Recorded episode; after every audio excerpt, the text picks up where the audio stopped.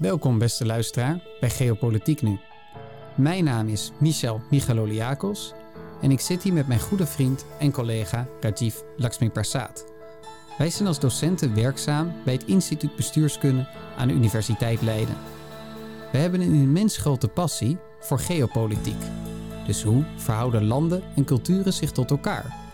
Wat is de invloed van demografische en geografische karakteristieken op deze relaties? Dat zijn de centrale vragen. Een veel grotere passie hebben wij echter voor het welzijn van mensen, dat diepgaand beïnvloed wordt door wereldwijde geopolitieke ontwikkelingen. De EU in het algemeen en Nederland in het bijzonder lijken zich meer te lenen voor reageren dan anticiperen. Middels deze podcast willen wij er een bijdrage aan leveren dat er meer geanticipeerd wordt dan gereageerd. Beluister daarom deze podcast, abonneer je en neem afscheid van je ongeïnformeerde zelf. Welkom beste luisteraars bij de eerste podcastopname van Geopolitiek Nu. Mijn naam is Rajiv Lakshmi Prasad en tegenover mij staat Michal Michaloliakos. En wij twee zullen ook de podcasten verzorgen voor ja, de komende afleveringen. We gaan het deze week hebben over de geopolitieke spanningen in de Oost-Middellandse Zee. Is er sprake van een Turkse droom of een Griekse realiteit? En wat houdt dat precies in? Maar voordat we daarin verder gaan, uh, Michel, wat boeit jou eigenlijk aan geopolitiek? Wat vind jij daar zo interessant aan? Geopolitiek vind ik heel erg interessant, omdat het een heel diepgaande invloed heeft op het welzijn van mensen. Daarnaast vind ik het heel erg leuk dat er heel veel verschillende vakgebieden in terugkomen. Dus wil je iets van geopolitiek begrijpen, moet je wat van de economie snappen, moet je iets van politicologie snappen en je moet ook iets van cultuur en identiteiten snappen. En wat mensen drijft, boeit mij zeer. En vandaar dat ik geopolitiek zo boeiend vind. En als laatste reden is dat het een heel grote invloed heeft ook op hoe het gaat met het welzijn van Nederlanders. En daar denk ik wel eens dat het aan schort. Vandaar dat het mij zo boeit. En dat ik er eigenlijk al jarenlang mee bezig ben. En dat doe ik niet alleen. Dat doe ik natuurlijk al jarenlang ook met jou. Dat we er wekelijks of dagelijks gesprekken over hebben filmpjes bekijken, rapporten lezen, boeken lezen en ontzettend veel discussies en gesprekken hebben, wat mij heel erg bevalt. Wat boeit jij er eigenlijk aan? Ja, ik vind het heel leuk dat het een. Eigenlijk, als je naar geopolitiek kijkt, is het in mijn optiek een soort soapserie. Een drama-soapserie met heel veel politiek, met vriendschappen, maar ook verraad, schaakspelletjes. Een soort Game of Thrones, ik hou daarvan. Ik vind het echt een toffe serie. En een combinatie van Game of Thrones, House of Cards. Ik denk dat de Netflix-liefhebbers weten waar ik over bedoel. En dat zie je in de echte wereld terug. Dus het is niet iets in een fictieve wereld, maar in de echte wereld. En los van de gevolgen die goed, maar ook verschrikkelijk kunnen zijn, is het ook interessant om te zien dat de beslissingen die er worden genomen direct impact hebben op het echte leven van individuen. Over heel de wereld, zelfs bij ons, bij de luisteraars. En dat vind ik heel gaaf, om dat van tevoren in te kunnen zien. Dat je iets ziet spelen en dat je een jaar later, of niet een jaar later, maar binnen een jaar, de effecten in je directe omgeving terugziet. En dat vind ik, ja, dat vind ik heel leuk, heel gaaf. En ook dat het ook zo breed is. Het behelst economie, geschiedenis, psychologie, cultuur, religie. Eigenlijk alles komt erin terug. En dat vind ik gewoon, ja, dat vind ik heel gaaf. En ook heel leuk. En dat maakt het ook, ja, dat maakt het leven ook voor mij leuker om dat beter te begrijpen. En zo ook de wereld beter te begrijpen. En daarom vind ik geopolitiek heel interessant. En eigenlijk ook vandaar deze podcast. Ja, als we kijken naar deze podcast. We hebben het medialandschap. En als je kijkt naar het Nederlands medialandschap, wordt ook het een en ander behandeld over geopolitiek. En als luisteraar kan ik begrijpen waarom nog een podcast erbij. Uh, Michel, je eigenlijk de luisteraars kunnen uitleggen wat nieuw is aan deze podcast en waar wij extra toegevoegde waarde aan willen leveren? Zeker. Ik denk dat dat zit in dat Nederland altijd een focus heeft op reageren in plaats van anticiperen. En wij willen graag dat zowel Nederland als de Europese Unie meer gaat anticiperen in plaats van reageren. En dat kun je doen door in te schatten wat er in andere landen mogelijkerwijs gaat gebeuren en door aan scenario denken te doen. Concreet gaan wij een aantal kernconcepten in iedere aflevering, of bijna iedere aflevering, uitwerken, waarmee je je eigen anticiperend vermogen vergroot. Eerste is om in kaart te brengen wat de onder- en de bovenstromen zijn in een bepaalde samenleving. En vervolgens kun je in de geschiedenis kijken welke onderstromen zijn nu eigenlijk boven komen drijven en zijn nu leidend. En dat kunnen dan bijvoorbeeld op dit moment in de samenleving zie je duidelijk populistische trekken terug. Hoe groot is de kans dat die binnen een paar jaar tot de bovenstroom gaan behoren? Zie je ook wel eens met religieuze identiteiten terug, die voorheen meer onderdrukt werden. Denk aan de communistische wereld. Of in bepaalde islamitische landen, die uiteindelijk toch tot de bovenstroom zijn Oké, verworden. En de bovenstroom is de elite die bepaalt. De elite die Ja. bepaalt. Politieke leiders. Dat brengen wij be- beter in kaart. En ben jij beter op de hoogte van welke onderstromen er plaatsvinden in een samenleving, kun je beter anticiperen wat er mogelijkerwijs gebeuren gaat. In die zin kan het voeding zijn voor scenario denken. Het tweede is dat als jij het regimebelang en het landsbelang onderscheidt, jij niet in de val trapt van rationaliteit. En wat bedoel ik daarmee? Heel vaak als wij landen gaan analyseren, dan denken wij dat we dat kunnen doen aan de hand van de ratio. En kunnen inschatten, oké, dit is jouw belang. En jij gaat helemaal logischerwijs in dat belang handelen. Maar heel vaak zien we terug dat landen dat niet doen. Dat regimes anders handelen dan het landsbelang impliceert. Vandaar dat ik ook onderscheid wil maken tussen regimebelang, dus regeringsbelang van op dat moment de politieke leiders van een land, versus het landsbelang. En breng jij dat beter in kaart, wat het regimebelang is en het landsbelang, dan heb jij sterker in de gaten wat uiteindelijk gaat gebeuren in dat land en wat tot de mogelijkheden behoort. En dan moet je af en toe ook wel een bepaalde rationaliteit loslaten. Of misschien meer rationaliteit uitoefenen vanuit dat perspectief van dat regime. Ja, want de regimes komen en gaan, maar het land blijft bestaan. En regimes kunnen, met regimes wordt bedoeld de heersende politieke elite op dat moment. Ja. En die kunnen inderdaad meer op de korte termijn gericht zijn. En het behoud van hun eigen machtspositie dan op de lange termijn welvaart van hun land. Ja. Dat kan er spelen. Ja, en in mijn optiek is landsbelang het vergroten van de welvaart of het welzijn van de bevolking. Maar soms zie je, of heel vaak zie je eigenlijk terug dat landen en regimes niet zo handelen. Hoe komt dat? Hoe valt dat te verklaren? Rusland en Turkije zijn daar goede voorbeelden van. En dan het derde, om Nederland te helpen met anticiperen, is gewoon om aan het einde altijd even te bespreken: wat betekent dit conflict of geopolitieke kwestie nu eigenlijk voor Nederland? En hoe kan Nederland hierop anticiperen? Wat kunnen wij nu doen als land, de beleidsmakers, de politici, om ons voor te bereiden op wat er mogelijkerwijs komen gaat? En als wij dit doen, dan denken wij dat we de luisteraar beter kunnen informeren. Met leuke verhalen, interessante verhalen. Af en toe met een soort Game of Thrones, House of Cards-achtige signatuur. Want dat komt er natuurlijk ook in terug. En daarmee kunnen wij dus ook systematische analyses bieden. Met hopelijk een bepaalde diepgang. Wij hebben natuurlijk een bestuurskundige achter- achtergrond. En die bestuurskundige achtergrond kan ons ook helpen een soort multidisciplinaire analyse te bieden. Nou, dat klinkt heel ingewikkeld, maar dat betekent gewoon vanuit verschillende vakgebieden ergens naar kijken, zodat je het beter begrijpt. En natuurlijk heeft het af en toe een soort House of Cards-achtig gehalte, maar toch kun je aan de hand van een systematische analyse er meer van begrijpen. En dat laatste zien we in het Nederlandse nieuws te weinig terug. Vaak gaat het dan erg oppervlakkig over een bepaald conflict, bijvoorbeeld Oekraïne versus Rusland. Maar nooit zien we daar de historische, economische of culturele identiteiten uitgebreid behandeld worden. En wij denken dat de media daar zouden kunnen verbeteren. En dat als dat gebeurt, Nederland ook beter voorbereid voor geopolitieke kwesties zal zijn. Hoe zie jij dat eigenlijk, Rajiv? Ik heb hetzelfde hoor als ik Nederlands nieuws lees. Ze hebben over veel onderwerpen hebben ze het niet, die wel belangrijk zijn. Maar zelfs over de onderwerpen waar zij het wel over hebben. Als we bijvoorbeeld Rusland, Oekraïne erbij pakken. Of India, dan lees ik het. Ben ik klaar en dan denk ik, oké, en nu? Dus vaak heb ik bij het Nederlands nieuwslandschap het gevoel dat ik een inleiding lees. Maar dat ze niet verder de analyse ingaan. En daar hoop ik dat wij daar, in ieder geval de luisteraars, meer van toegevoegde waarde kunnen zijn. En los van, natuurlijk willen wij dat, dat politici beter zullen anticiperen dan reageren. Vind ik het ook tof als wij de luisteraars, dus de gewone man, ook kunnen helpen om hierop te anticiperen in plaats van te reageren. Want het is zeker mogelijk dat jij als individu, als burger, al van tevoren jouzelf, jouw geliefde, jouw gezin, familie kan voorbereiden op wat er gaat gebeuren de komende jaren. En dan kan je zeggen, de komende decennia is heel spannend. Kijk je daar ook zo eh, tegenaan?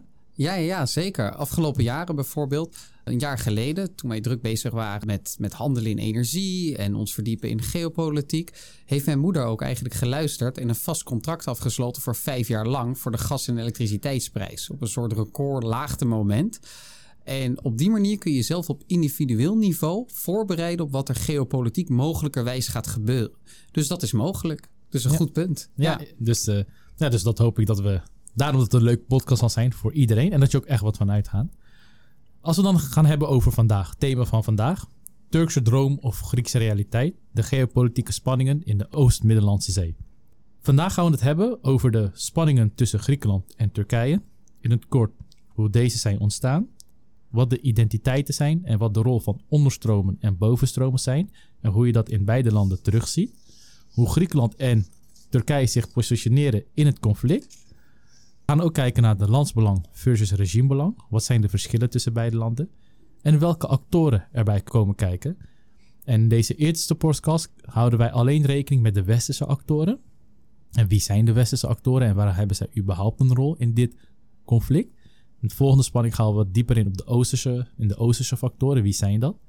En als laatste gaan we het ook hebben, wat moet Nederland doen? En ook de EU. En hoe zouden wij hier beter op moeten anticiperen dan op reageren? Als we kijken naar de spanningen, dan begin ik met een citaat van de, president, de Turkse president Erdogan tegen Griekenland. Hij gaf aan, enkele weken geleden overigens, jullie bezetting van de eilanden is niet onze zorg. Als de tijd komt, zullen we doen wat nodig is. Zoals we zeggen, ineens kunnen we s'nachts komen. Vergeet Izmir niet. En dit valt ook in een beter patroon terug te zien. Cavusoglu, de huidige minister van Buitenlandse Zaken van Turkije, zei: Turkije kan niet beperkt worden tot zijn eigen grenzen. Nou, Michel, dit zijn hele bold statements, sterke uitspraken van hoge politieke leiders, een minister van Buitenlandse Zaken en de Turkse president. We zien dus duidelijk spanningen tussen Griekenland en Turkije. Maar vertel eens, hoe uiten deze spanningen zich in de Oost-Middellandse Zee en tussen deze twee landen? Allereerst door heel heftige retoriek, waarin permanent de soevereiniteit van Griekse eilanden ter discussie gesteld wordt en ook van Griekse territoriale wateren en daarmee de exclusieve economische zone, waarover ik later nog zal komen te spreken. En daarnaast wordt er ook permanent over Griekse eilanden en wateren heen gevlogen met straaljagers. En komen er heel vaak Turkse schepen, buurten rondom die Griekse eilanden. En daarmee probeert Turkije heel duidelijk te maken: wij accepteren die soevereiniteit niet. En tegelijkertijd is dit denk ik ook bedoeld voor binnenlandse consumptie. Dus om de handen in eigen land op elkaar te krijgen. Dus retoriek en het schenden van het Grieks lucht- en waterruim concreet, daar mondt het in uit. En dat zet natuurlijk de gemoederen erg onder druk. En daarmee creëert de Turkije een voedingsbodem voor een mogelijk militair conflict. Misschien is dat het doel, misschien ook niet, maar het maakt die voedingsbodem wel rijp. Oké, je gaf aan dat het spanning zich uit in de vorm van uitspraken, wat extremere uitspraken die worden gedaan. Het kan voor buitenland, maar ook voor binnenlandse consumptie zijn. En tegelijkertijd dat je ziet dat Turkije vaker de maritieme grenzen van Griekenland binnen de Egeïsche Zee en de Middellandse Zee betreedt. Kan zijn met straaljagers en neem ik aan ook met schepen of andere vormen. Ja, ehm, en ook met drones. En ook met drones, dus onbemande vliegtuigen. Ja. Uh, gewapend of ongewapend. Maar waar gaan deze spanningen eigenlijk over? Dus dit zijn de uitingen, maar waarom? Ja, waarom zijn die spanningen er? Ik denk dat het met, uh, te maken heeft met in ieder geval botsende historische identiteiten waarin Griekenland zichzelf als rechtmatige eigenaar ziet van de huidige territoriale grenzen, daar ook een al duizenden jaar oude geschiedenis heeft, tegenover Turkije, dat sinds de 12e, 13e eeuw vanuit de Anatolië, dus Oost-Turkije, in de richting van het westen is gegaan, zich daar definitief in de 15e eeuw gevestigd heeft en een hele tijd lang, ten tijde van de Ottomanen, een groot rijk heeft gehad. En mede op basis daarvan dichten zij zichzelf een grote identiteit toe en een groter stuk land dan ze op dit moment hebben. Dus dat zijn botsende identiteiten. Dan op het niveau van belangen zie je terug dat het gaat om exploratie en exploitatierechten rondom eilanden en rondom de kusten van zowel Turkije als Griekenland. In zoektocht naar gas en olie, die waarschijnlijk in grote, grote hoeveelheden onder de bodem aanwezig zijn. En dan daarnaast toegang tot zeeroutes voor maritieme, economische en militaire doeleinden. Denk dan bijvoorbeeld toegang tot de Zwarte Zee, toegang tot de Oost-Mediterraanse Zee in de richting van Cyprus, Israël, Libanon en natuurlijk ook in de richting van Egypte en het Suezkanaal. En via het Suezkanaal heb je eigenlijk een soort afsnijdroute als je naar India wilt. En dat heeft een heel belangrijke rol ook in de geschiedenis gespeeld. En dan is er een derde reden en dat is regionale macht en prestige die erbij komt kijken. En ook op dat terrein wil Turkije zijn spierballen spannen, met name onder leiding van Erdogan. Dus die drie redenen tezamen zorgen voor een heel grote spanning in die Oost-Middellandse Zee tussen Griekenland en Turkije, waar Turkije zich toch wel sterk als de agressor positioneert. Oké, ik kan de eerste en de laatste goed begrijpen. Dus de olie- en gasboringen, of de gas- en olieontdekkingen die worden gedaan. En dat Turkije ook een groter deel van de taart wil. En ook de regionale, dat Turkije een regionale power wilt worden, een regionale macht wilt worden. In ieder geval in de Oost-Middellandse Zee en in het Midden-Oosten. Maar je gaf ook aan dat Turkije graag de zeeroutes wilt beschermen naar het Suezkanaal en de rest van de wereld. Maar als ik naar de kaart kijk, of als ieder naar de kaart kijkt, dan zie je dat Turkije een vrij grote kust heeft. En dat je eigenlijk vanuit elke plek zo de Middellandse Zee in kan varen. Wat zou Turkije belemmeren, ook al behoren de water tot Griekenland toe, om gewoon vrij te varen door die gebieden en ook vrij door het Suezkanaal te varen? Want daar zijn internationale verdragen voor.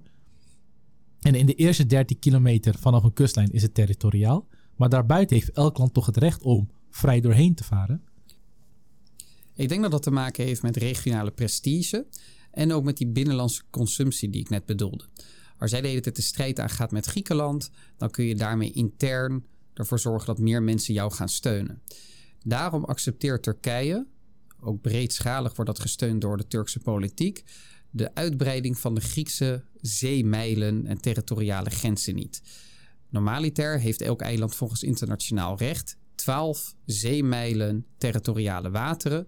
En Turkije heeft een casus belli, ofwel een reden voor oorlog uitgesproken als Griekenland dat zou verlengen van 6 naar 12 zeemijlen. En Griekenland heeft dat om die reden ook nog niet gedaan. En daar zie je dus terug dat Turkije die exploratie en exploitatierechten wil voor bepaalde delen rondom de Turkse kust en ook de soevereiniteit van Griekenland permanent ter discussie stelt.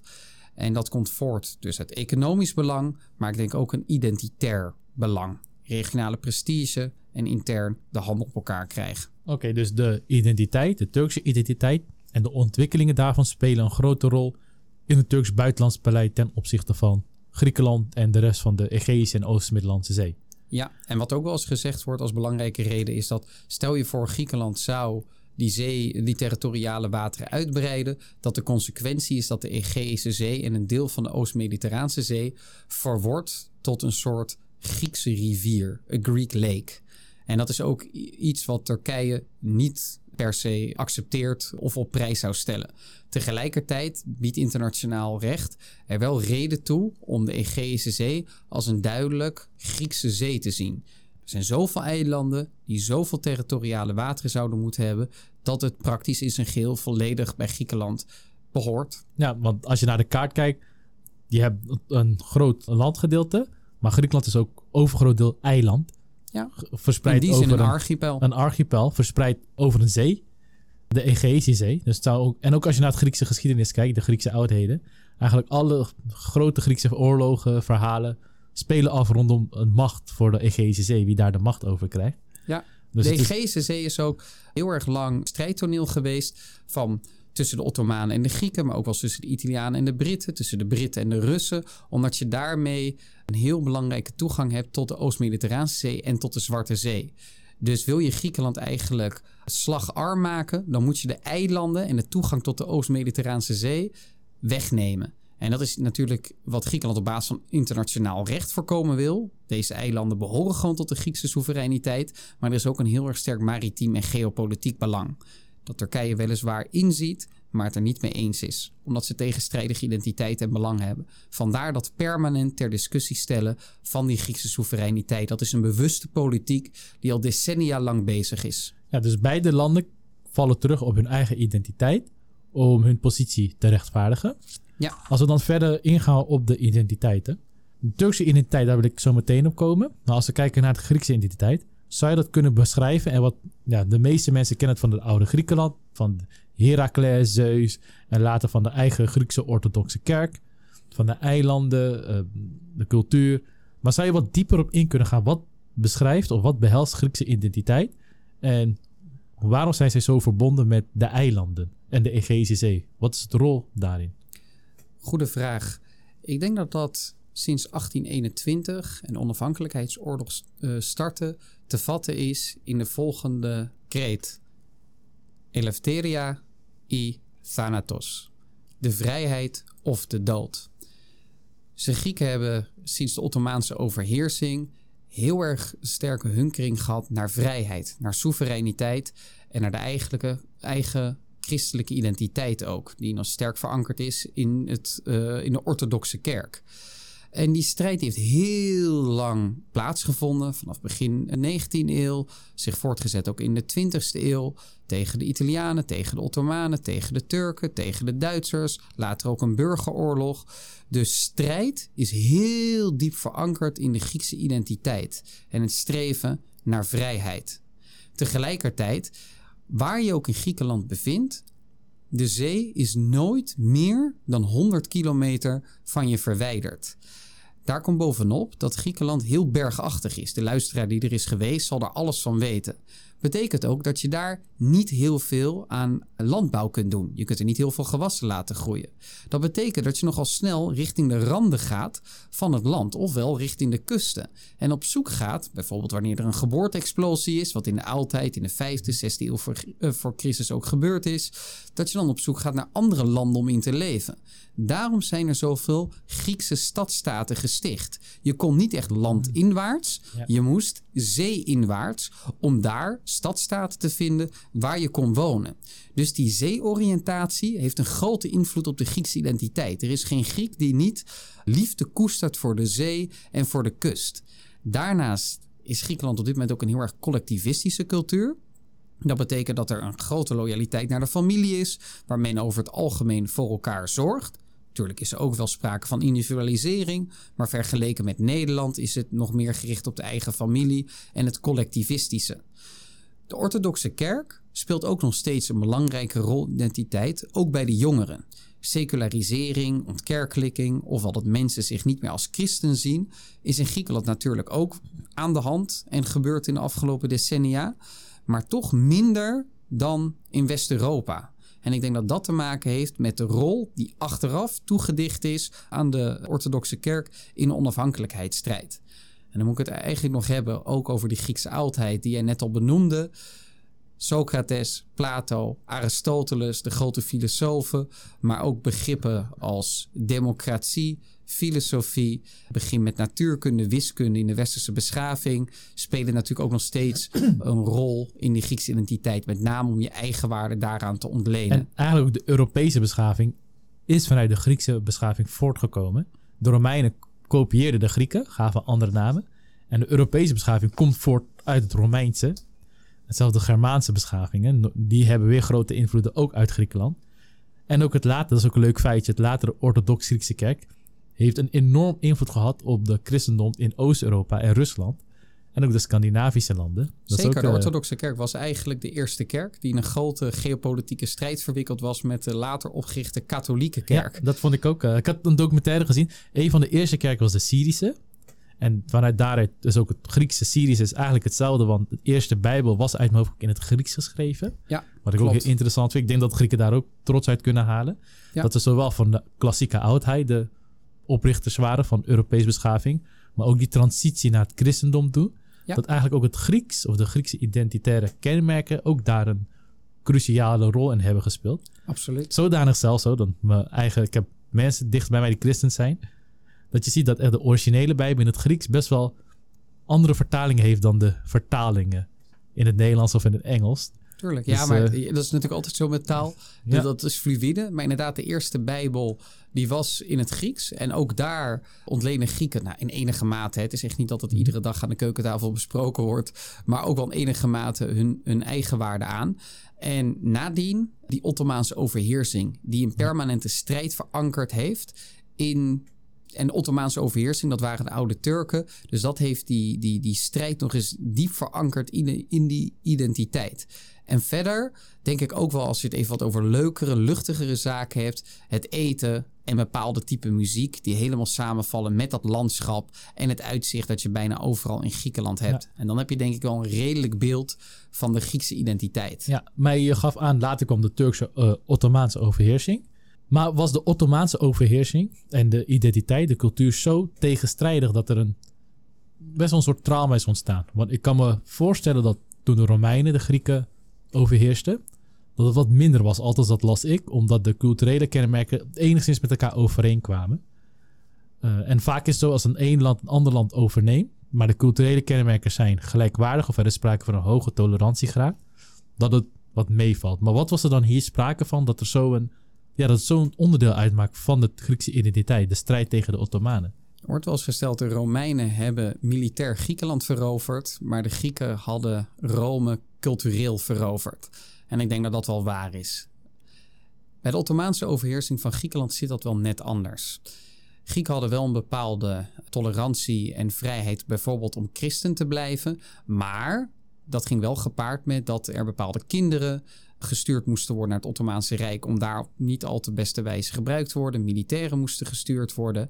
Je moest extra belasting betalen. Er zijn grootschalige moordpartijen aangericht in sommige delen van Griekenland en ook in Turkije op de christelijke minderheden. Dus het was niet alleen fijn. Er was niet alleen sprake van tolerantie. En met name in tijden van economische tegenspoed nam die tolerantie af. En de Griekse soevereiniteit en identiteit, de taal werden ook niet vaak uh, geaccepteerd en getolereerd. En sinds begin 19e eeuw is er echt een enorme onafhankelijkheidsoorlog gekomen, die uiteindelijk uitmondde in de onafhankelijkheid van Griekenland. En dat viel ook samen met het heel ernstig verzwakte Ottomaanse Rijk. In de 15e, 16e en ook wel een beetje de 17e eeuw was het een sterk opkomend rijk met ook een grote kracht. Sindsdien is dat eigenlijk steeds meer afgenomen.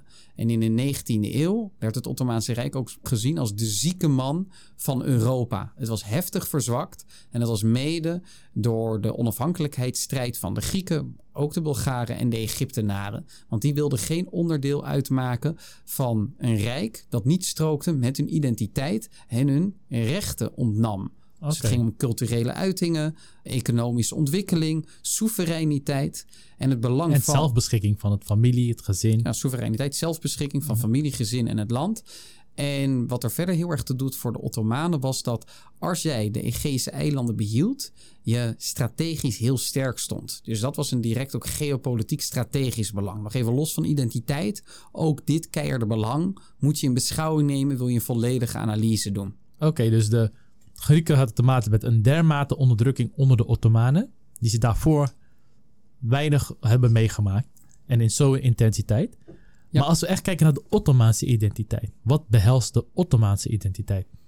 Die is een imperialistische islamitische identiteit toegedaan. En wat houdt dat nu eigenlijk in? Dat de Ottomanen zichzelf zagen als de natuurlijke leider van de islamitische wereld en een expansionistische drift in zich hadden. Dus zij wilden zoveel mogelijk gebied veroveren. De Ottomanen komen oorspronkelijk uit Centraal-Azië, uit Kazachstan, Turkmenistan, Oezbekistan. En zijn op dat moment eigenlijk via een heel lange tocht over meerdere eeuwen in West-Turkije geëindigd. En dat is vanaf de 12e en 13e eeuw in Oost-Turkije eigenlijk begonnen. En in 1453 heeft dat geresulteerd in de val van Constantinopel. En Constantinopel was de hoofdstad van het Byzantijnse Rijk. En het Byzantijnse Rijk kun je eigenlijk zien als een soort Grieks Rijk. Nog steeds betekent dit eigenlijk de val van Constantinopel een soort trauma in de Griekse identiteit en Griekse geschiedenis. En zit er ook wel een soort historisch heimwee naar Constantinopel. Voor de Ottomanen betekende de val van Constantinopel juist een bevrijding. Zij hadden eindelijk de macht over de Zee van Marmara, toegang tot de Zwarte Zee, toegang tot de Egeïsche Zee. En daarmee hebben zij zichzelf een stevige positie weten te toebedelen in deze regio. En het grappige is ook dat Atatürk op het moment dat hij in de jaren 20 in de vorige eeuw, dus in de 20ste eeuw, aan de macht kwam in Turkije, nadat het Ottomaanse Rijk in duigen viel, eigenlijk probeerde meer weg te gaan van die Arabisch-islamitische identiteit, zichzelf meer een seculiere identiteit aanmat en tegelijkertijd op zoek ging naar woorden in het Mongools. En dat heeft te maken met gelijklopende voorouders van de Turken. Mongolen en de Turken hebben eh, ja, voor... eenzelfde voorouder, de proto-Hunnen. Ja, die hebben dezelfde voorouder, de proto We kennen wel Attila de Hun. Dat was de voorouder van de Mongolen en de Turken. Ja, Ja. en daar nou, zien we duidelijk Ja. ook die expansionistische eh, driften terug. Druk naar zoveel mogelijk gebied veroveren. Ook om soms vanwege klimaatverandering. En omdat het niet heel vriendelijke omgevingen zijn. En wat je verder nog eigenlijk moet weten is dat de Turken ook een heel, en de Ottomanen diep eh, verankerde strijd- en expansiedrift hebben opgenomen. Omdat zij in eerste instantie heiden waren toen zij op de steppen van Centraal-Azië leefden. Op dat moment eerst Joods werden, later juist islamitisch. En dat zij als slaaf gebruikt werden door de Arabieren. En daar wisten zij zich door strijd aan te onttrekken. En toen wilden zij ook eigenlijk gaan domineren over wat we nu Anatolië, Turkije, Griekenland, Europa, delen van de Arabische wereld noemen. En dat is meer die Ottomaanse identiteit. En die Ja. Ottomaanse identiteit is tot einde gekomen. Natuurlijk niet in de onderstroom van Turkije, maar wel in de bovenstroom in de jaren 20, 1923 van de 20ste eeuw. Want dan wordt het formele Turkije opgericht. En dan heb ik nog één verdrag noemen, het verdrag van Lausanne, waar de formele grenzen van Griekenland en Turkije in vastgelegd zijn. Na de Eerste Wereldoorlog valt het Ottomaanse Rijk formeel uit elkaar. Griekenland weet dan heel veel gebieden veroveren, conform de oud-culturele grenzen en gemeenschappen. Turkije die stopt eigenlijk daar waar de meeste Turken wonen bij de totstandkoming van Turkije moet genoemd worden dat er meerdere volkerenmoorden ofwel genocides gepleegd zijn op Armeniërs, Assyriërs en ook Pontisch Grieken. Pontisch Grieken leven in het, leefden in het noorden van Turkije, nabij de Zwarte Zee. Ja. Dus ook daar is weer strijd tussen beide landen heel, heel sterk terug te zien. En eh, zien we diepe trauma's, diepe eh, identiteitskenmerken. En dat zorgt tot op de dag van vandaag voor spanningen. Oké, en eigenlijk ook voor spanning in de gehele Middellandse Zee. Dus kort gezegd, je ziet een nomadenvolk in Centraal-Azië. Dat gelijk loopt met de Mongolen. Nou, iedereen kent Genghis Khan, Attila de Hun. Heel expansionistisch gericht. Dat kan ook breed zijn. Heel hard, eh, ja, expansionistisch. Zij bekeerden zich tot de islam. Rukten zich los als slaven voor de Arabieren en de eerste Arabische kalifaten. En willen een eigen expansionistische islamitische rijk oprichten. Een deel gaat naar India. Daar komen de volgende podcasten gaan we daar verder op in. En een ander deel gaat naar Anatolië, oosten van Turkije. En die gaat langzaam steeds weer naar het westen. Uiteindelijk veroveren zij Constantinopel.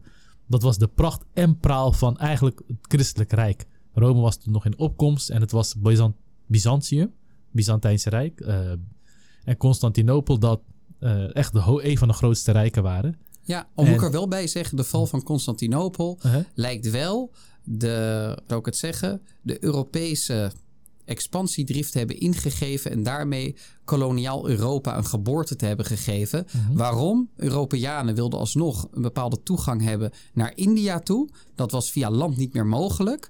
Vandaar dat ze via de zee hebben geprobeerd te bereiken.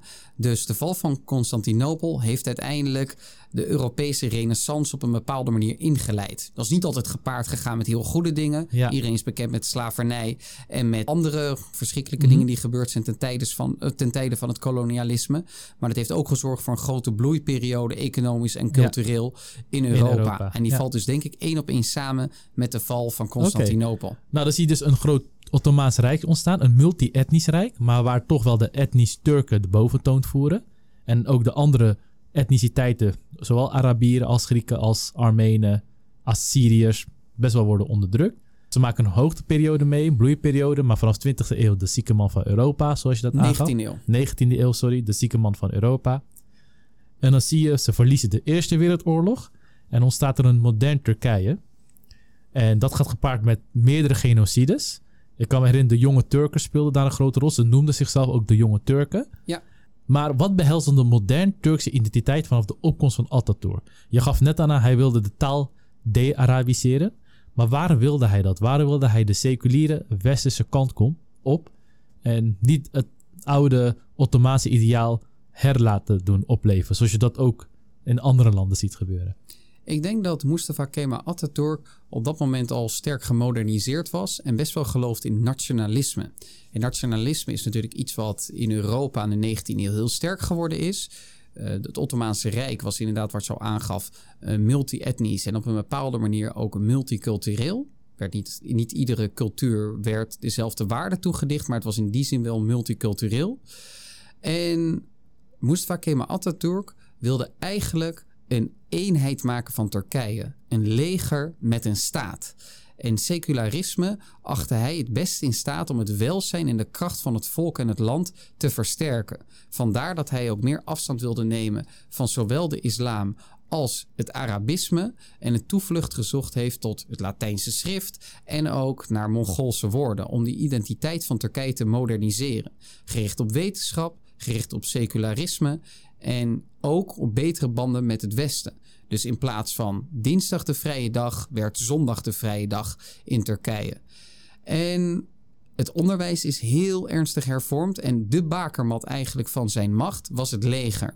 Het leger moest de absolute hoeder zijn van Turks secularisme op staatsniveau. Dat betekent als bepaalde mensen in de onderstroom bijvoorbeeld een meer islamitische maatschappelijke ordening wilden hebben, zij konden rekenen op weerstand van het leger. Daarom zijn er ook meerdere coups gepleegd. In 1970, 1980 heeft de huidige president Recep Tayyip Erdogan in de jaren 90 ook in de gevangenis gezeten, nadat hij het aan publiek een islamitisch gedicht voorlas. Zo sterk zitten die seculiere identiteiten verankerd in het leger en in die samenleving. En hij is ook oprichter van de CHP. Dat is een politieke partij die nog steeds in het parlement van Turkije zit en ook jarenlang Turkije geregeerd heeft. Dus lange tijd was de seculiere identiteit en een nationalistische identiteit die zijn hand in hand met elkaar gegaan, leidend in Turkije en behoorde tot de bovenstroom. In de tweede helft van de 20e eeuw en begin van deze eeuw, dus vanaf de 2000s, zien we daar een kentering in. En dan zie je dus een ander onderstroom naar boven komen. Ja. En als we het dan hebben over die onderstroom en bovenstroom, dat heeft te maken met verschillende politieke identiteiten of entiteiten. Je gaf aan, CHP is er één van. Een sterk, seculier, westers gericht idee van hoe de staat eruit moet zien. Welke andere onderstromen en daarmee samenhangend politieke identiteitje had je nog meer vanaf als we de jaren negentig vanaf, dat, uh, vanaf die periode bekijken. Ja, de, de onderstromen in de tweede helft van de 20e eeuw waren vooral islamitisch georiënteerd. En dan zien we een islamitisch nationalistische identiteit terug en een islamitisch imperiale identiteit terug. Die was nooit verdwenen tijdens de jaren van uh, na Atatürk. Nee, nooit volledig verdwenen. In het publieke leven probeerden ze dat te onderdrukken. Maar het is af en toe net als je een bal probeert, die opgeblazen is uiteraard, onder water te duwen in een zwembad. Als hij naar boven komt, dan schiet hij ook omhoog. En ik denk dat dat een mooie metafoor is om uit te leggen wat er ook in Turkije gebeurd is. Jarenlang is er geprobeerd om die islamitisch maatschappelijke ordening de kop in te drukken, tot en met de jaren negentig aan toe. En was er bij heel veel mensen juist die hunkering naar wel die islamitische identiteit en misschien ook het leiderschap uh, conform die oude Ottomaanse grenzen. Uh, uh, en dat kwam in de 2000 steeds meer tot uiting. Eén ding moet ik hier wel bij benoemen, want het speelt niet alleen cultuur een belangrijke rol, maar ook de economie. De economie van Turkije heeft in de tweede helft van de 20e eeuw eigenlijk permanent in het slop gezeten. Uh, meerdere coups gingen ook gepaard met economische onzekerheid, hoge inflatie en daardoor heel veel koopkrachtuitholling ofwel armoede. Ja. En in de tweede helft van de jaren 90 krijgt Turkije toegang tot de Europese markten en mede daardoor groeit het. En Erdogan komt in 2002 ook aan de macht in Turkije.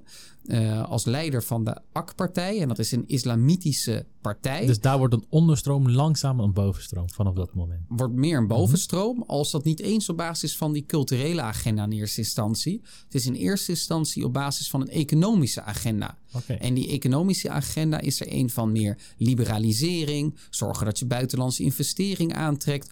En daarmee ook betere banden met het Westen. En hij wilde eigenlijk ook Koerden in 2002 meer rechten toekennen. Mm -hmm. uh, en daarmee zorgen dat hij in een betere positie kwam te staan ten opzichte van het Westen. Hij werd ook wel eens gezien als de democratiseerder van Turkije. Ja, hij werd ook één keer Europeaan van het jaar benoemd door Time Magazine. Uh, ja, dus dat geeft ook aan dat hij toen een heel ander persoon was. Ja, en ja. de vraag natuurlijk altijd is: was hij toen al een ander persoon? Of was hij op zoek naar een bepaalde mogelijkheid, window of opportunity, om zijn werkelijke agenda er doorheen te drukken? Het is ook van hem bekend dat hij wel eens gezegd heeft dat de democratie eigenlijk een soort busrit is. Als je aangekomen bent op punt van bestemming, moet je gewoon uitstappen. En ik kan me voorstellen dat hij op basis van een economische agenda verkozen had willen worden. En dat de institutionele kracht van het leger, dat sterk, sterk, sterk eh, seculier was, eigenlijk te sterk was voor hem om op dat moment al gelijk met de islamitische agenda te komen. Tegelijkertijd zou je ook kunnen uitleggen dat hij zichzelf steeds meer die islamitische identiteit is gaan aanmeten, islamitisch-imperiale identiteit zelfs, omdat het politiek opportun was. Het zorgt op dat moment voor de meeste stemmen.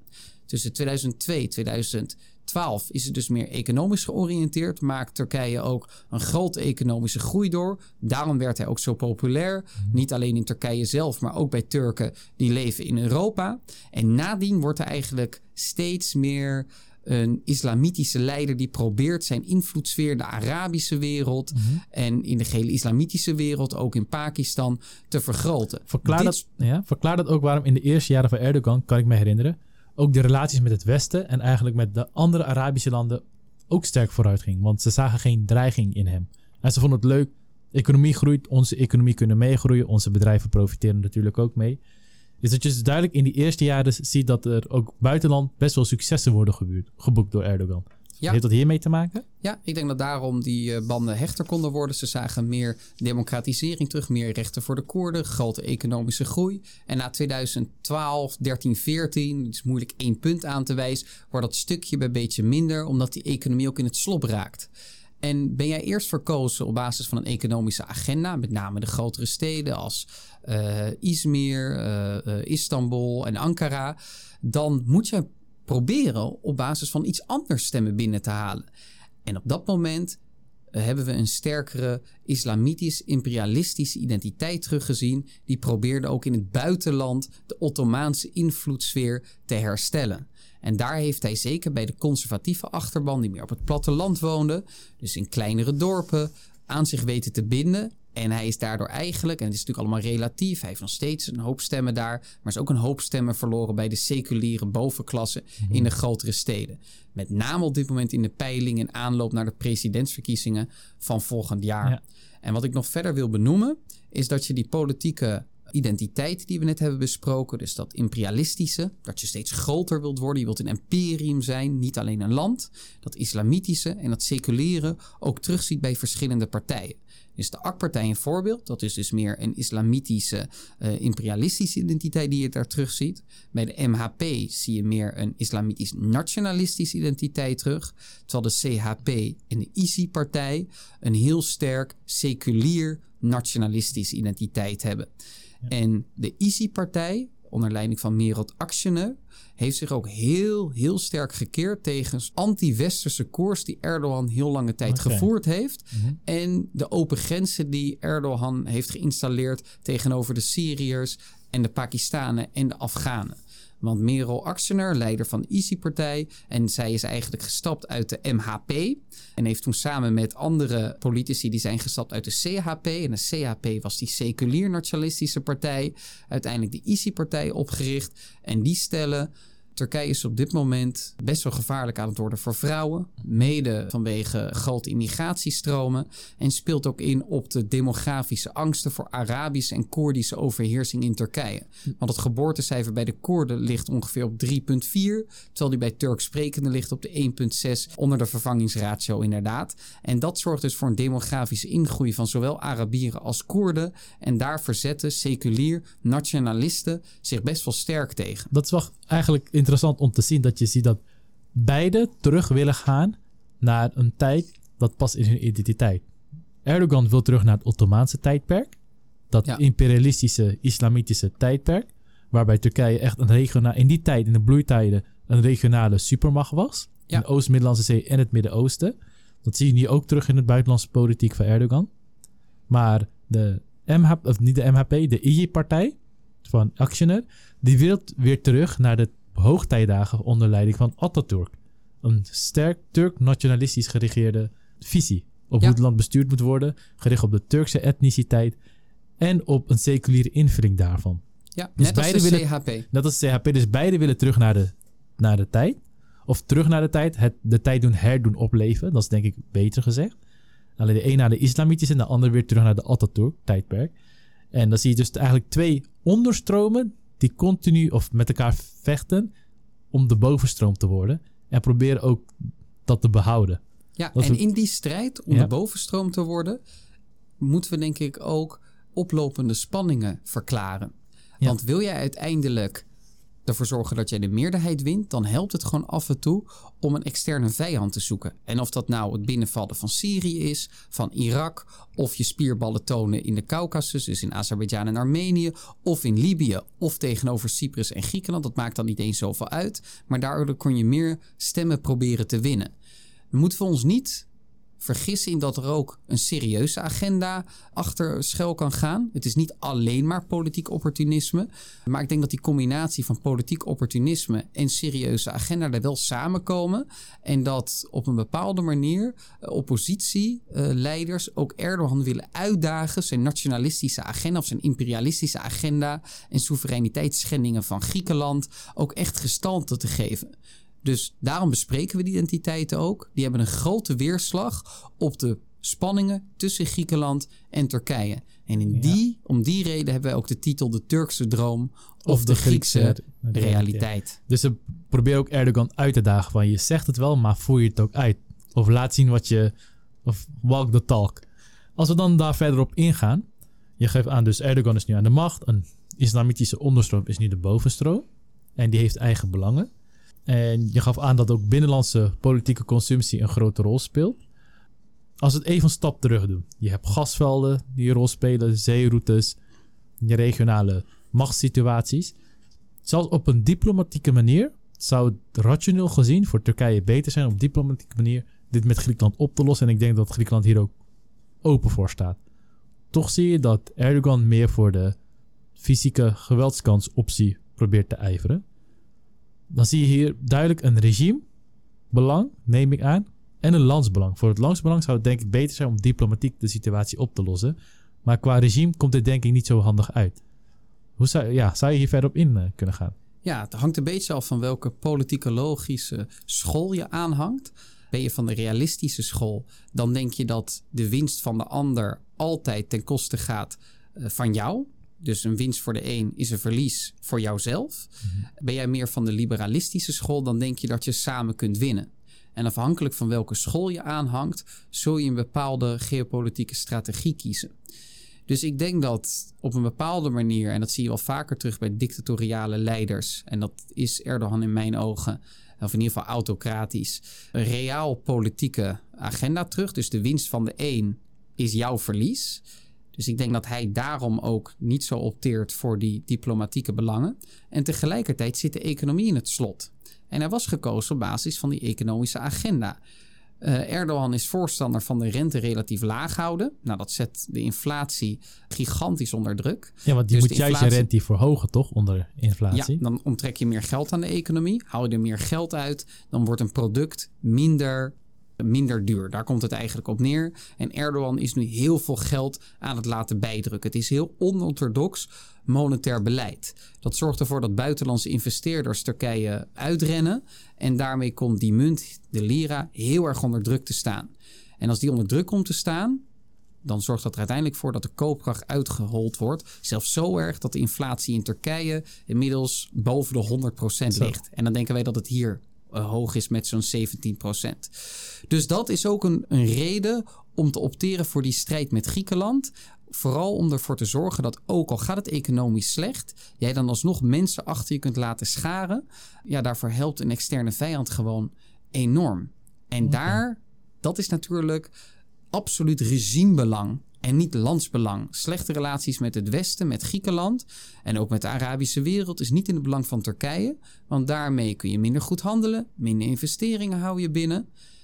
Niet een landsbelang, het verhoogt het welzijn van het volk niet, maar het zorgt er wel voor dat jij wellicht meer stemmen krijgt.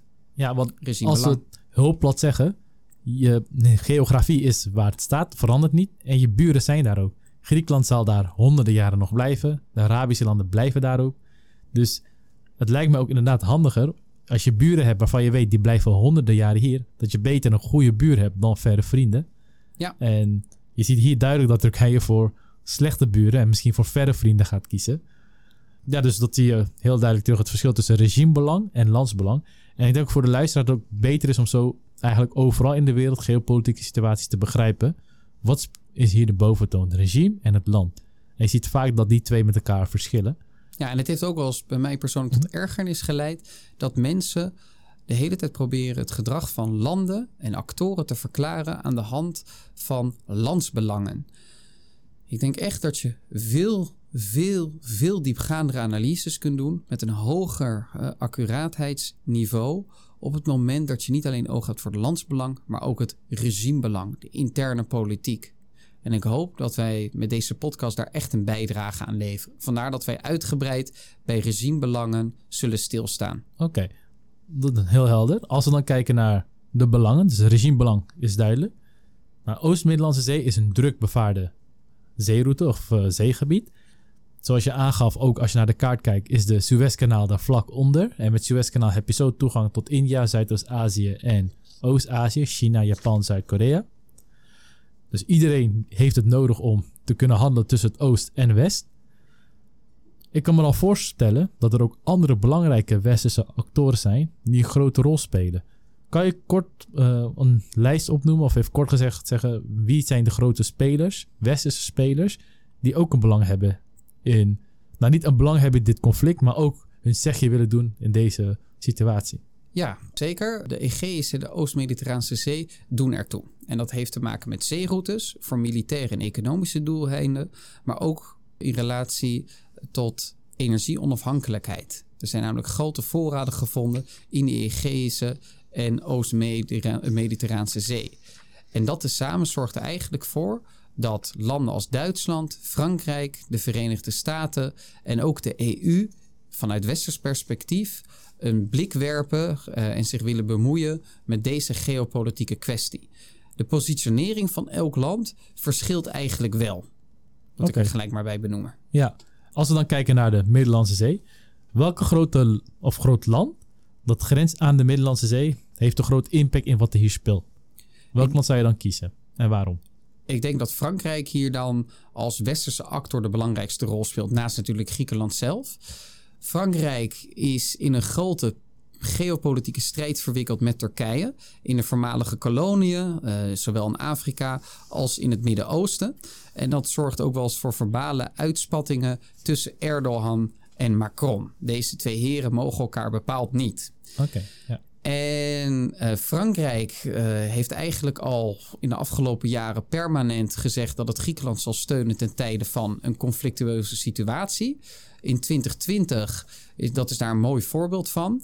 In uh, 2020, in de zomer, is het op een gegeven moment gekomen tot een bijna oorlog tussen beide landen. Okay. En dat had te maken met exploratieschepen die Turkije op dat moment stuurde naar Griekse wateren. Die worden de Urux Reis genoemd. Dat was een exploratieschip. En die werd vergezeld met de Turkse marineschepen. Dus grote fregatten en onderzeeboten. Griekenland reageerde daarmee ook op het zenden van zijn eigen marine. Naar daar waar de Urux Reis aan het exploreren was. En Frankrijk heeft op dat moment ook aangegeven: wij zullen Griekenland steunen op het moment dat het tot een oorlog zal komen.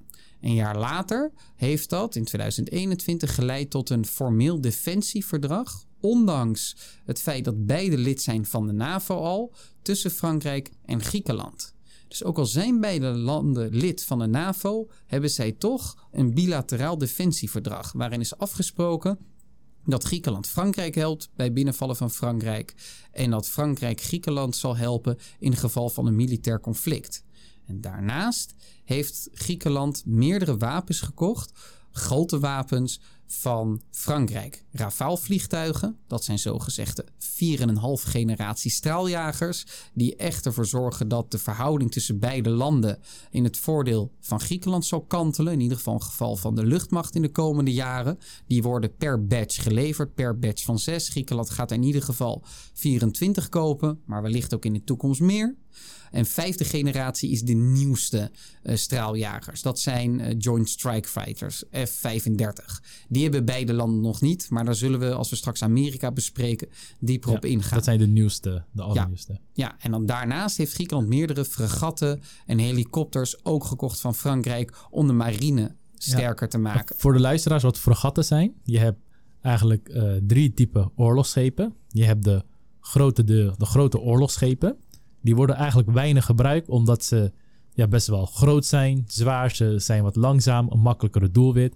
Daaronder vallen de grote kanoniers, de vliegdekschepen. Nou, dat hebben vaak alleen de grote landen. Denk aan Verenigde Staten en China. Inderdaad, dus. En dat is meer bedoeld voor gevechten op echt oceanen en grote zeeën. Dan heb je daar en Griekenland, even om hier gelijk op in te haken, heeft dat ook minder nodig natuurlijk. En Turkije ook, omdat ze dichter bij elkaar liggen. En Griekenland heeft natuurlijk al grote vliegdekschepen in de vorm van alle eilanden. Ja, en dat zijn onzinkbare vliegdekschepen, nog beter. Ja. daaronder heb je dan destroyers, zoals ze dat noemen. Dat zijn eerder bedoeld, die zijn wat sneller, wat kleiner. En die zijn bedoeld om die grote schepen te beschermen. Nou, daar heeft Griekenland eigenlijk ook logischer weinig van nodig. Het, een paar, heeft Griekenland er wel een aantal. Ze heeft er wel een aantal. En dan heb je daaronder weer de fregatten. Dat zijn de, de speedboys. Dus die kunnen heel snel heen en weer van links naar rechts, her en der. Goed voor een spionagedoeleinden. Ja, noem maar op. En dat is heel handig als je vooral wat kleinere zeeën... en Egeïsche Zee is internationaal gezien wat kleinere zee... Uh, wilt beschermen.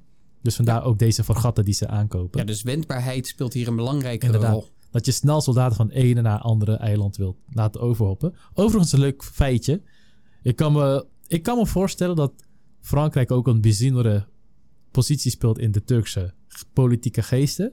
Niet alleen niet dat Erdogan en Macron elkaar niet mogen, maar het is ook Frankrijk geweest dat de als eerste Ottomaanse droom heeft uiteen laten spatten onder Napoleon Bonaparte. Hij had, uh, Egypte binnengevallen, als cadeau voor zijn vrouw overigens. Ja. En hij had maar een klein legioen gestuurd, niet eens een heel vloot, echt een klein legioen. De Ottomanen dachten dat ze de Fransen in de pan zouden hakken. Maar Napoleon, het leger, hij was niet zelf gegaan. Hij had een ondergeneraal gestuurd, dus best wel een wat lagere rang. Die had het binnen enkele weken had hij heel Egypte zo veroverd. En zo het Ottomaanse Rijk afgesneden van de rest van het Ottomaanse Rijk in Noord-Afrika. En ik kan me voorstellen dat het in de Turkse geest ook, denk ik, ook een rol speelt. En dat, dezelfde, dat zij ook het gevoel hebben, ja, jullie komen weer hier in de Oost-Middellandse Zee bemoeien. Dat speelt zeker een rol. Ja. ja, dat is nog een mooie historische anekdote inderdaad. Ja, dus je ziet duidelijk Frankrijk. Ook komen andere podcasts terug, maar ook denk ik in de geest van Macron dat, de, dat Europa zich internationaal gezien wat meer onafhankelijk en assertiever moet opstellen en minder op Amerika moet leunen. Maar als je zegt naar Europa, dan hebben we ook de EU, maar ook de andere belangrijke land, Duitsland. Voordat we naar de EU gaan, wat doet Duitsland eigenlijk? Duitsland heeft een eh, tegengestelde positie aan die van Frankrijk. En dat heeft meerdere redenen. Duitsland uh, kent natuurlijk een heel groot Turkse minderheid in het eigen land, dat het niet tegen zich in het harnas wil jagen. En Duitsland heeft van oudsher hechte historische, uh, culturele en economische banden met zowel het Ottomaanse Rijk als Turkije, die eigenlijk al teruggingen tot volgens mij de Pruisen. En op basis van die culturele banden, die misschien ook wel te verklaren zijn vanwege de Eurasiatische focus die beide landen van oudsher hebben. Dus dat je meer gefocust bent op de uh, landoppervlakte van Europa en Azië. En probeert daar de machten te versterken. Daar waar de Verenigde Staten, Nederland en het Verenigd Koninkrijk altijd meer een transatlantische focus hadden. Mhm. Dus dat speelt er denk ik een belangrijke rol in. En verder is het zo dat Duitsland zich heel erg laat leiden door het eigen economische model. En het economische model van Duitsland is zo laag mogelijke productiekosten hebben, van zowel energie als arbeid, en zoveel mogelijk exportmarkten.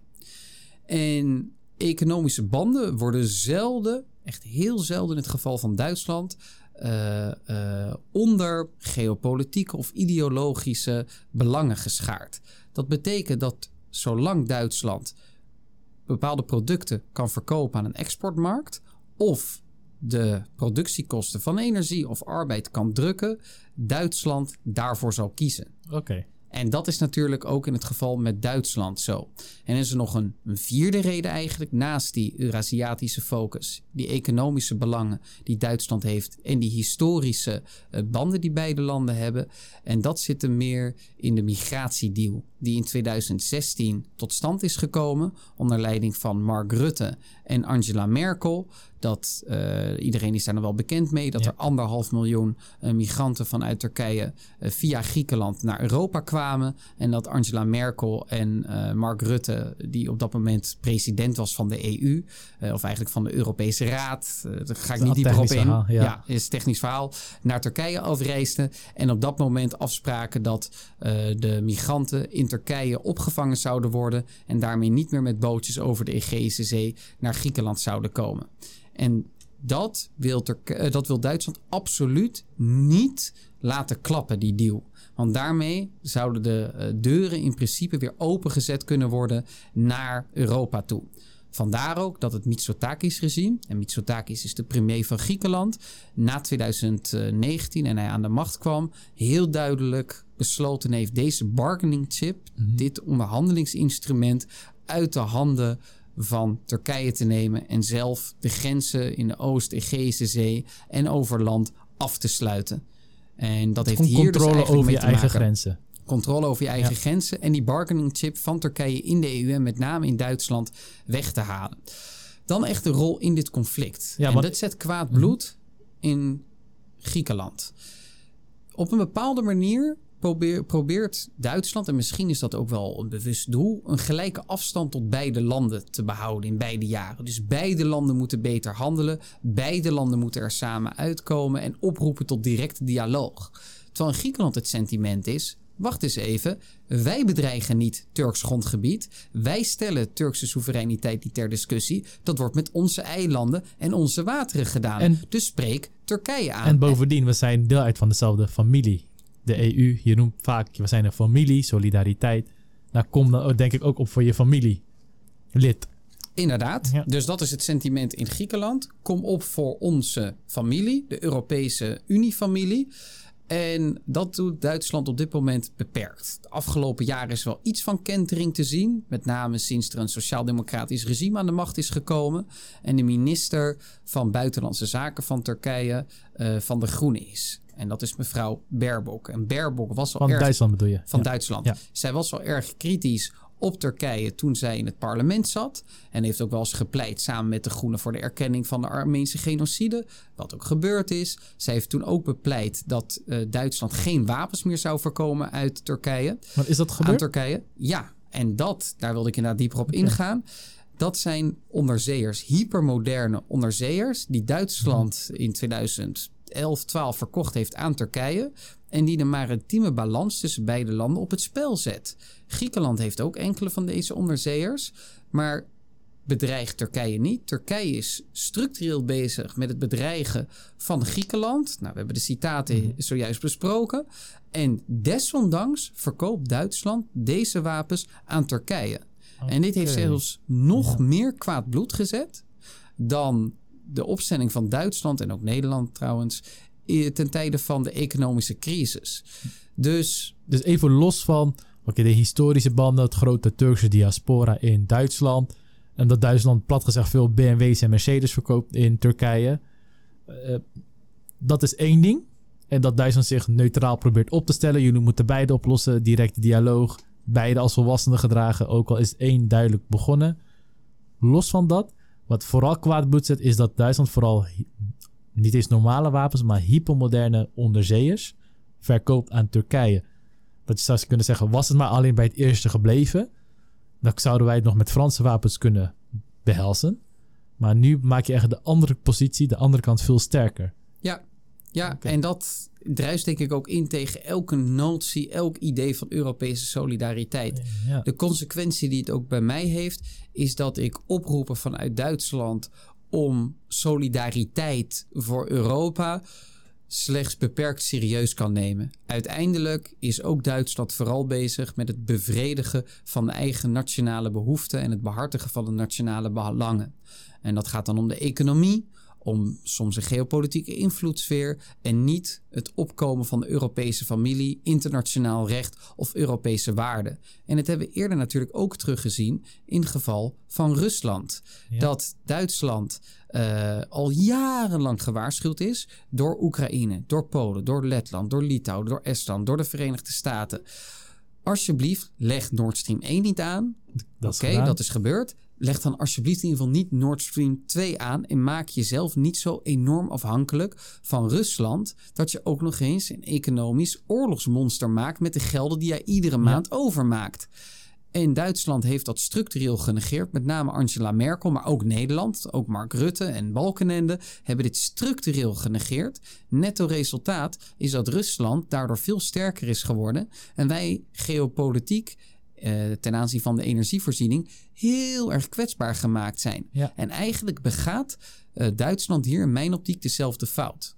En ik denk dat deze fout samen te vatten is in een citaat van voormalig minister van Buitenlandse Zaken, die op dat moment al oud-minister was en op bezoek ging in Athene. En daar sprak samen met oud-president van Frankrijk Sarkozy bij een conferentie.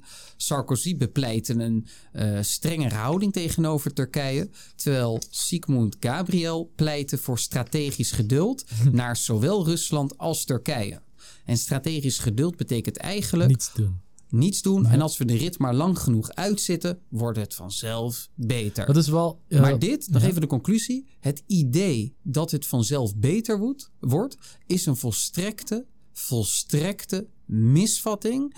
En gebaseerd op een geopolitieke miscalculatie van ongelooflijk grote proporties. die gepaard gaan met ontzettend veel leed. Op dit moment in Oekraïne. Al eerder in landen als Syrië, Irak en Libië en mogelijkerwijs ook in Griekenland. En daarom bepleit ik ook dat Duitsland zijn leiderspositie in de EU serieuzer gaat nemen en strenger gaat optreden tegen de imperialistische, dictatoriale neigingen van Recep Tayyip Erdogan. Ja, want niks doen, dat zeggen, dat kan ik als kleuter begrijpen. Je doet niks, je maakt je kamer vuil, je komt terug, je kamer is opgeruimd. Maar in een volwassen wereld, in geopolitiek, niks doen betekent dat iemand anders het oplost. En als iemand anders het oplost, dan logisch doet hij dat op zijn manier. Ja. Als ik ergens aankom, het is een zooi, ik moet opruimen. Oké, is goed, dan doe ik het op mijn manier. Ehm, dus ik vind het ook raar dat er ook zo wordt gedaan strategisch geduld. Niks lost uit zichzelf op. Het zijn anderen die dat op hun manier gaat, aan invulling aan gaat geven. Ja, en, En dan denk ik, wat ik hier nog bij wil benoemen, waarom strategisch geduld zo'n onverstandige keuze is, heeft ook te maken met dat dit best breed door, het politieke, eh, door, de, door de Turkse politiek gedeeld wordt. En dat voormalig minister van Buitenlandse Zaken, Ahmet Davutoglu, die een belangrijk denker is van de Turkse geopolitiek. eh, en hij heeft in zijn boek Strategische Diepte uitgelegd dat het ter discussie stellen van de Griekse soevereiniteit een bewuste doelstelling van Turkije zou moeten, moeten zijn, omdat je daarmee een nieuwe realiteit forceren kunt. En daarmee denk ik dat je voor jezelf helder kunt hebben dat de rit uitzitten op een bepaalde manier negatief gedrag, gewelddadig gedrag conditioneert en stimuleert. En dat faciliteren van dit type gedrag is onwenselijk. Het is een, een klas. Als je een pestkop hebt en je doet er niks mee, dan is dat gelegitimeerd, gefaciliteerd. Als je aan het begin al grenzen stelt en je ook daarbij houdt, dan houdt die na één keer al op. En dat vind ik ook apart, dat Duitsland wordt, of ze nou het willen of niet, gezien als de leider van de EU. In Nederland spreken we ook zo over Duitsland. Ik weet bij God eigenlijk niet waarom. Maar van een leider mag je juist verwachten dat die opkomt voor degene wie die leidt. Of voor wie die in ieder geval hoort te staan. En dat zie je hier, ja, vind ik duidelijk niet terug. Nee, En ik denk dat dat ook de reden is waarom dat Frankrijk irriteert.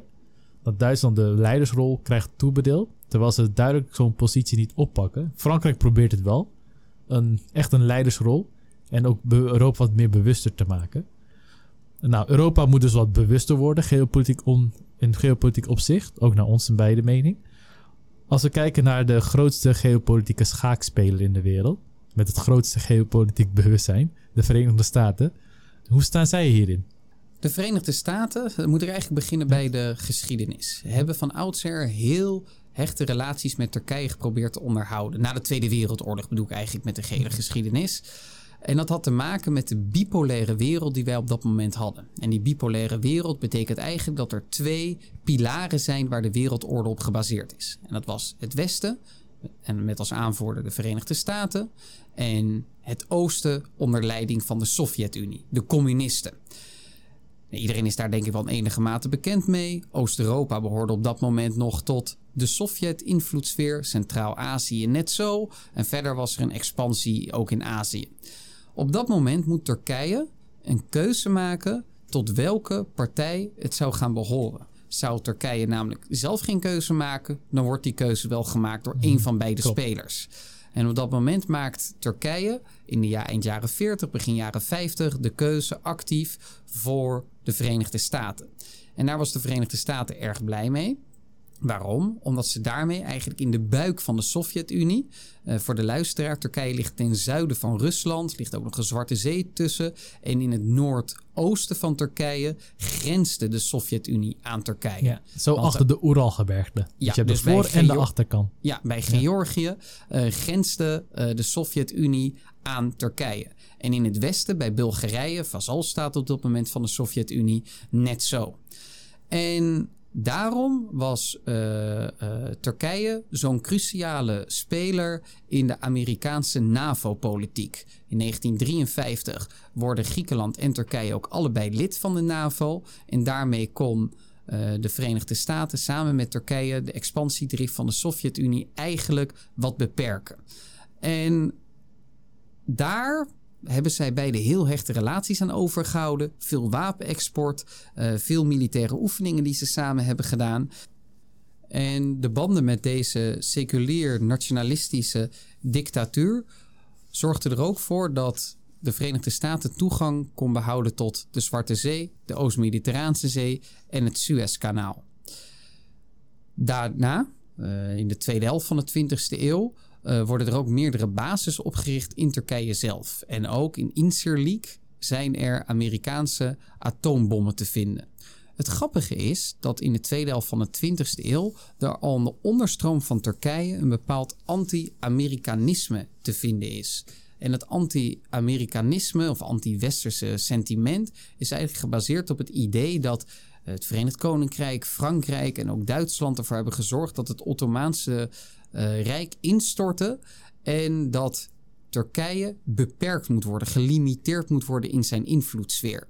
Dat was al die onderstroom best wel te zien in die tweede helft van de 20e eeuw. Want wij zijn, ze hadden het gevoel, wij zijn nu niks anders dan een vassalstaat van het Westen. Ja, en Ja, zij willen onze natuurlijke rechten op de regionale eh, machthebber zijn inperken.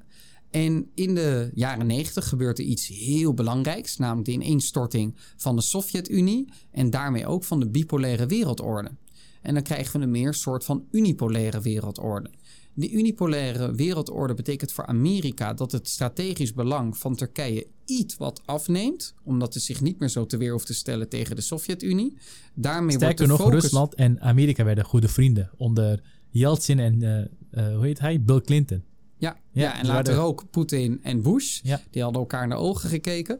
Maar los daarvan, eh, dat zorgde er uiteindelijk voor dat Turkije meer zijn eigen weg kon gaan. In die unipolaire wereldorde, waarin er vanuit de Verenigde Staten minder focus lag op de Oost-Middellandse Zee. En op dat moment komt die onderstroom dus ook in de politiek naar boven toe. En die wordt steeds, die onderstroom van het anti-Amerikanisme, steeds meer gevoed door Recep Tayyip Erdogan. Die steeds meer laat vallen dat er Amerikaanse complotten zijn om Turkije te traineren. Kan je eigenlijk ook zeggen dat Amerika na de val van de muur wat luier werd? In, in deze in regio, politiek, ja. in, in, niet wereldwijd, Nee. die stelling kan ik niet ondersteunen. Maar in deze regio hebben ze meer de teugels wat laten vieren. En dat is ergens ook wel te, eh, eh, te begrijpen. De grote vijandige speler, die is daar weggetrokken. Uiteraard heeft Amerika daar wel enige focus behouden, maar die was echt meer gericht op het Midden-Oosten.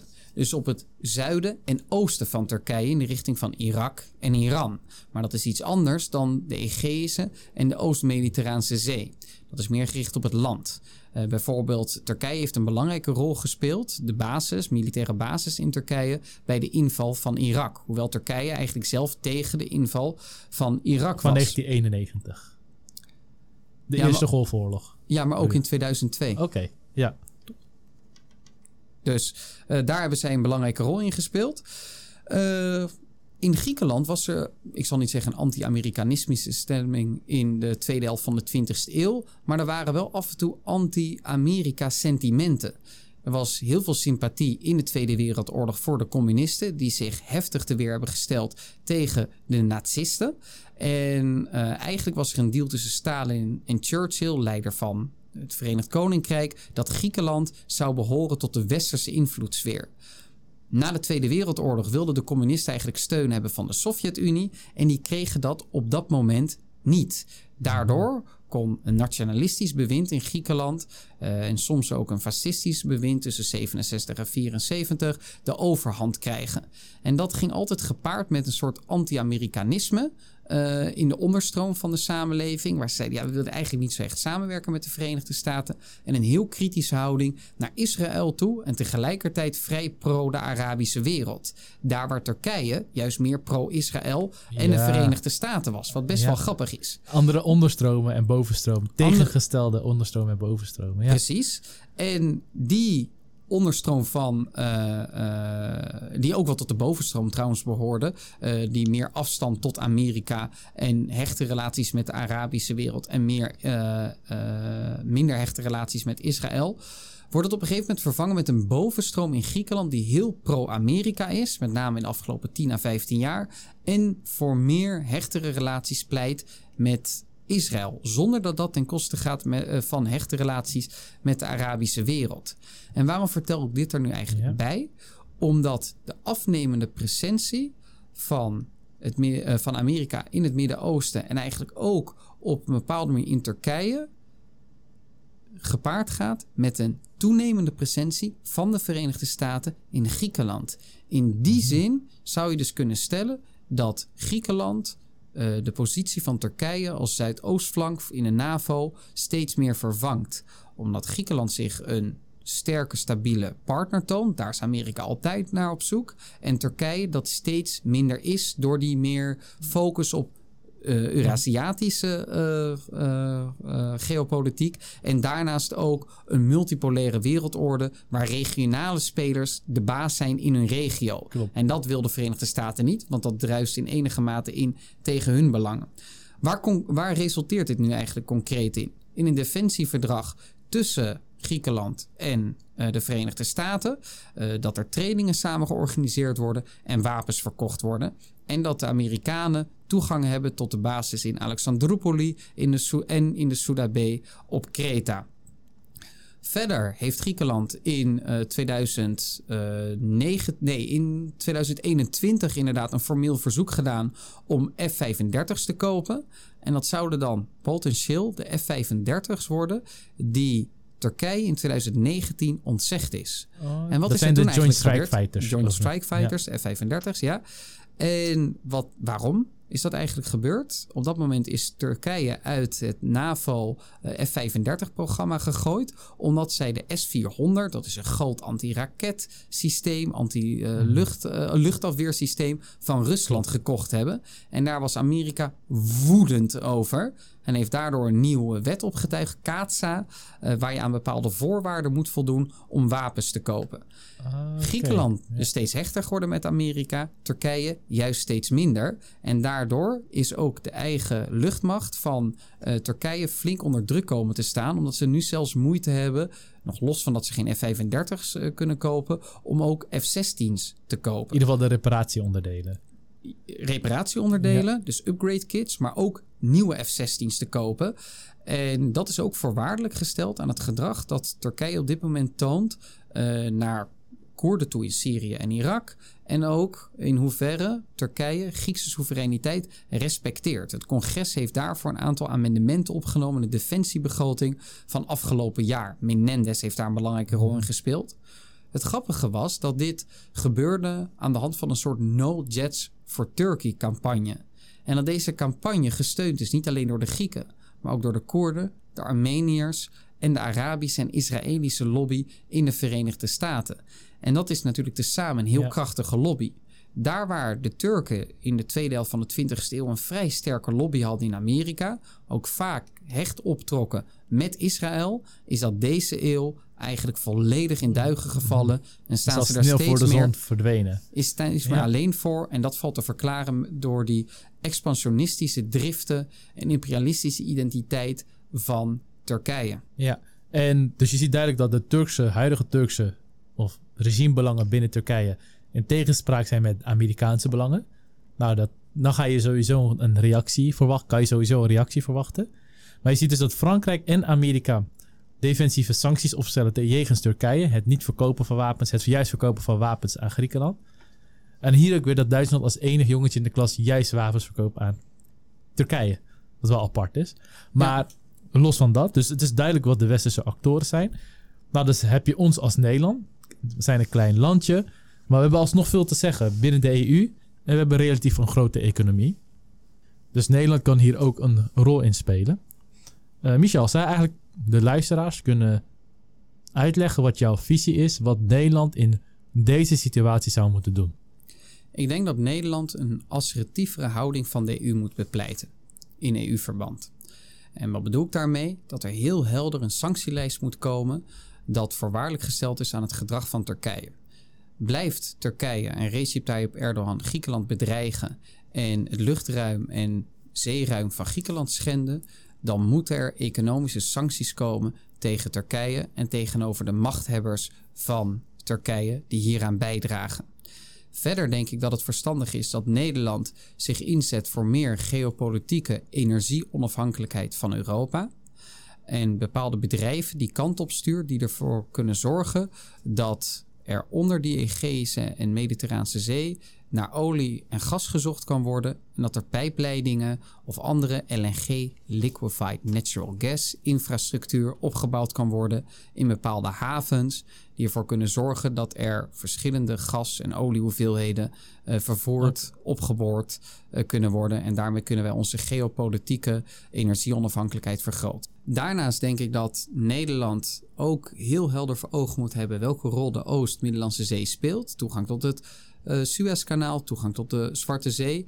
En daarom ook heel sterk moet inzetten op assertiviteit vanuit de EU. En dat kan gewoon zijn dat Nederland ook wapens gaat sturen uh, naar Griekenland toe. En dat de EU ook heel sterk maakt, zich heel sterk maakt voor die soevereiniteit van Griekse eilanden en Griekse territoriale wateren. En dat is in ons aller belang. En op een bepaalde manier zou Nederland ook bepaalde bedrijven kunnen sturen of kunnen stimuleren om te helpen bij de olie- en gasexploratie en opbouw van infrastructuur. Het is niet zo simpel als stuur er even een Fugro of een Shell heen, maar je kunt natuurlijk wel de geopolitieke situatie zodanig maken in EU-verband dat je er zelf geld aan kunt verdienen. Ook belangrijk, maar ook dat daarmee de energieonafhankelijkheid van de EU vergroot wordt. Oké, dus Griekenland duidelijk ook als een spelers zien die ertoe doet voor de Europese Unie. Ja. Uh, wapens sturen. We kunnen ook niet meer zeggen dat kan niet, want we kunnen zelfs wapens sturen naar een niet-EU-land. Dus ja. wapen naar een EU-land, dat zou mogelijk moeten zijn. En investeren in de gas- en olie-infrastructuur van Griekenland. En in ieder geval dat proberen te exploiteren. En als laatste gaf je aan duidelijk de, een duidelijke taal richting Turkije. Als EU en als Nederland. En dat ook ter ondersteuning van de van internationaal recht en de wereldorde. Want volgens het internationaal recht behoort de soevereiniteit van Griekenland tot Griekenland en mag Griekenland zelf bepalen wat het daar doet. Als er dan een buitenlandse macht is die daar aan tornt, dan moet je denk ik ingrijpen. Iets wat we nu in het geval van Oekraïne ten aanzien van Rusland heel erg normaal achten, maar in deze situatie minder scherp op het netvlies hebben staan. En daar moet een heel snelle kentering in komen. Dankjewel voor de heldere uitleg. Nou luisteraar, dit was de eerste podcast van Geopolitiek Nu, waarbij wij de geopolitieke spanningen in de Oost-Middellandse Zee uitvoerig hebben besproken. En ook de drie nieuwe concepten die we hebben toegevoegd in het geopolitieke debat. De onderstromen versus de bovenstromen, landsbelang versus regimebelang en wat zou Nederland in deze situatie moeten doen. We hopen dat jullie daar veel meer interesse voor hebben kunnen ontwikkelen voor geopolitiek en dat jullie veel meer kunnen anticiperen dan reageren.